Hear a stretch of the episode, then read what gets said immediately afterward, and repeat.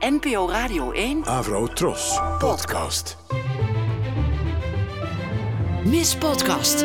Radio zonder zendmast. Met Milou Brandt. En mijn gast is podcastplatformbaas Tim de Gier. Ehm, en dan gaan we nog de podcast recenseren die we allebei hebben geluisterd. Dat is de kerstverse podcast van Rosanne Hertzberger, genaamd Hertzbergers Inbox. En ze legt in, eh, in haar inleiding al zelf heel goed uit waar het precies over gaat en wat het is. Dus dat, eh, dat laat ik dan ook even door haar doen.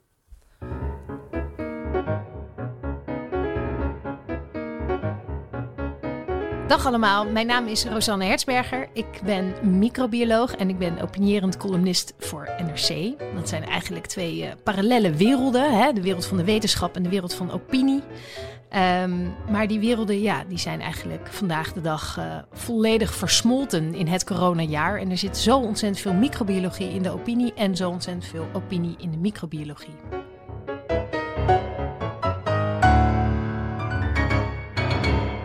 En vandaag wil ik eigenlijk even één berichtje bespreken alvast met u uit mijn inbox. En in die inbox verschijnen echt de meest wonderlijke figuren. En vooral als je op televisie bent geweest, bijvoorbeeld uh, afgelopen januari toen ik in debat ging met uh, Thierry Baudet. Het debat weer over microbiologie, over het coronavirus. Uh, ja, toen kwam eigenlijk een hele, hele Forum voor Democratie achterban met een heleboel complotdenkers kwamen in mijn inbox. Eén daarvan zal ik voorlezen.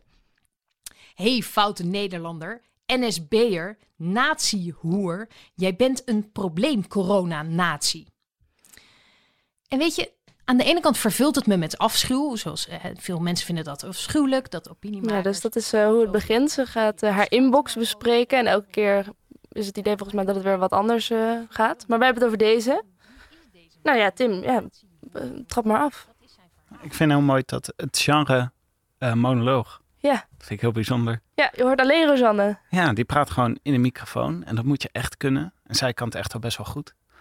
En uh, dat vind ik echt een heel erg mooi, uh, ja, mooi genre. We hebben ook, uh, wij maken de podcast Oorlog op de Flank over de bevrijding. Dat is ook zo'n monoloog podcast. Die vind ik ook heel erg mooi.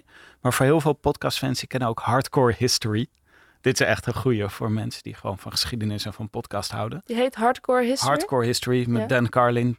Aflevering van drie uur. Zo. Drie luiken ook vaak. Gewoon drie luiken over uh, Japan tijdens de Tweede Wereldoorlog. Japan tijdens de Tweede Wereldoorlog, een drie luik. En dan gaat die man gewoon monoloog en gewoon praten drie uur lang tegen. Wow. En dat doet hij zo knap. En uh, Rosanne doet dit hier afleveringen van uh, een kwartiertje ongeveer. Ja, 20 minuten. minuten. Wel lekker behapbaar. Ik vind dat wel fijn. Ik vind drie uur echt lang hoor. Ik vind deze lengte echt prettig. Ja, maar dit is ook, uh, Rosanne is best wel drukke spreker. Ja, want ik heb dus soms het idee dat ze ergens begint. Dan neemt ze in haar zinnen allemaal zijpaden tussendoor. En dan ze vergeet ook waar ze begonnen was volgens mij. En dan... Ja. Maar ik vind dat ook wel, dat heeft ook iets heel echts. Het is duidelijk niet gescript. Ja, wat ze ook had kunnen doen, ze had ook de podcast Rosanne All Over the Place kunnen noemen.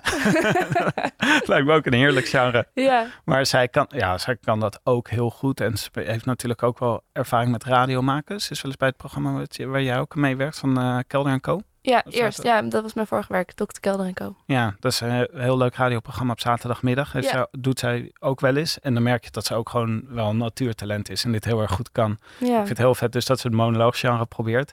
En dat ze, dat, dat ze daar al heel goed in is. Wat je tegelijkertijd ook wel merkt, is dat de uh, Anglo-Saxische sprekerstraditie, die kunnen dat wel net iets beter in uh, zonder e te zeggen en zonder te hakkelen. Wij zijn heel erg een manier van praten gewend van dat toch best wel. Waarin je mag hakkelen of moet hakkelen. Ja, bij ons is misschien is dat gewoon het natuurlijke stemgeluid van een Nederlander. Er zit ook wel een beetje halve zin en gehakkel in, blijkbaar. Ja, of uh, en ook dat we daadwerkelijk alle dingen een beetje aan elkaar breien met us en dus ja, en Van die verbindwoordjes en uh, gewoon dus en is dat uniek daarom. Voor ons? En nou ja, het is wel heel duidelijk wat je gewoon uh, wat je heel erg merkt. Wat leuk is om naast elkaar te luisteren, is de Nederlandse podcast Echt Gebeurd en de Amerikaanse podcast The Moth die allebei waar gebeurde verhalen uit het blote hoofd verteld zijn, dan hoor je wat, hoe wij anders praten dan Amerikanen. Maar die hebben woorden als like en so en um. Ja, dat is uh, denk ik wel een beetje ook een...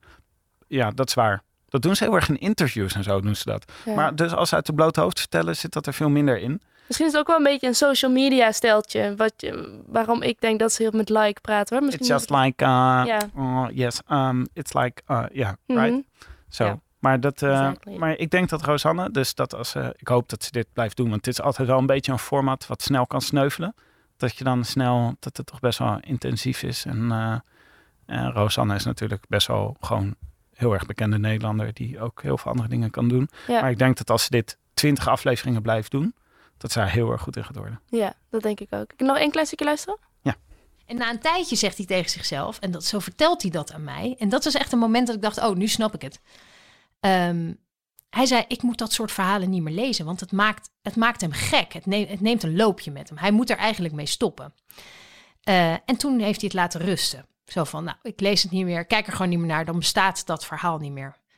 En 19 jaar later breekt corona uit. En al die twijfels, al die verdenkingen dat het hele verhaal niet wordt verteld, worden wederom aangewakkerd. Dit kan niet waar zijn. Hij zegt op een gegeven moment letterlijk in dat gesprek over de lockdowns eh, in Nederland, in Duitsland, en ik citeer hem hier: dat doe je gewoon niet in een vrije open maatschappij, zoals wij die hier in Europa hebben. Je zet niet in, ieder, eh, in één keer iedereen thuis. Dat doen overheden niet. Dat is ondenkbaar. En daarmee laat hij eigenlijk, en soms is de werkelijkheid gewoon zo ontzettend saai. Hij laat een heel klassiek denkpatroon zien. Ontzettend cliché eigenlijk. Wanneer er iets gebeurt dat zo onwerkelijk is, zo onverwacht en met zoveel impact, dan zoek je gewoon naar andere verklaringen. Vroeger zou men misschien zeggen: dit is een straf van God. Eh, maar ja, dat, dat is redelijk eh, zeldzaam geworden in onze wereldregio. Hè. De helft van Nederland is sinds 2018 atheïst, of in ieder geval niet religieus. En vandaag de dag zegt een hele groep die niet naar, God kan, eh, die niet naar de straf van God kan grijpen, die zegt: het is een kwaadaardige wereldelite. Ja, en dat mensen dus op zoek gaan naar verklaringen voor heel onverwachte, plotselinge gebeurtenissen. Dat, dat wist ik al wel een beetje, heb ik het idee. Wat, wat ik dan nog leuk had gevonden of interessant had gevonden is als je ook even ingaat op de vraag, ik snap dat ze geen socioloog is, maar toch, waarom dat dan bij de een wel gebeurt en bij de ander niet?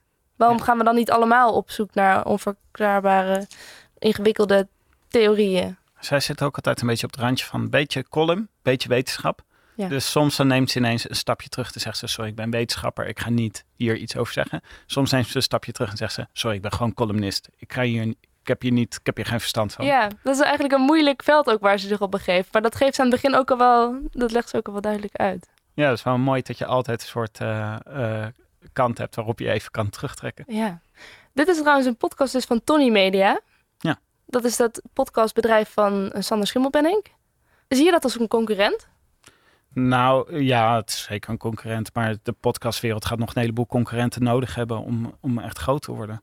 Want als we alleen dag-nacht de hele tijd zijn, dan, dan eh, wordt het niet. Nou, of tenminste, dan wordt het wel iets. Maar het moet, om echt groot te worden, moeten er verschillende podcastbedrijven zijn. Denk je? Want wil niet elk bedrijf ook uiteindelijk een monopolist zijn? Nee, je hebt wel concurrentie nodig. Om, zo, eh, bijvoorbeeld doordat eh, Zo- Rosanne Hertzberger en Sander Schimmelpenning podcast maken, komt hun publiek naar een podcast en die denken, oh, dit is leuk, ik wil nog een podcast proberen. En dan komen ze bij Dag en Nacht podcast uit. Dus dat is eigenlijk, dat is alleen maar heel goed. En eh, het houdt ons ook scherp. Ja. En daardoor krijgen wij ook gewoon weer zin van, oh ja, we moeten ook, eh, laten we snel weer een eh, goede podcast over dit en dit opzetten. Als we, als we, als we zoiets horen. Dus je bent scherper. Wat is het ehm, dat waar jullie je op onderscheiden? Eh, nou, wij zijn eigenlijk vanaf het begin af aan. wij hebben gezegd van er zijn te weinig goede podcasts in Nederland om echt een podcastmarkt te worden. Dus we hebben in het begin hebben we ons gewoon heel erg gericht op oké, waar wat is echt voor de hand liggende onderwerpen om podcasts over te maken? Sport, technologie, popcultuur. Dus dat zijn echt takken waarin we ons heel erg ontwikkeld hebben en daar Ja. heel veel eh, verschillende shows in hebben eh, opgezet. Maar we zijn nu ook wel in een fase waarin we het interessanter vinden om niet alleen maar podcast te maken van twee mensen, twee BN'ers om tafel. Of twee mensen die over een onderwerp praten aan tafel. Maar dat we juist ook weer verder willen naar, een, eh, naar genres die, die creatiever en origineler zijn dan dat. Dus dat is, ja, de- wij moeten ons ook blijven ontwikkelen. Ja. Dus dat proberen we nu. Oké. Bedankt Tim. Graag gedaan.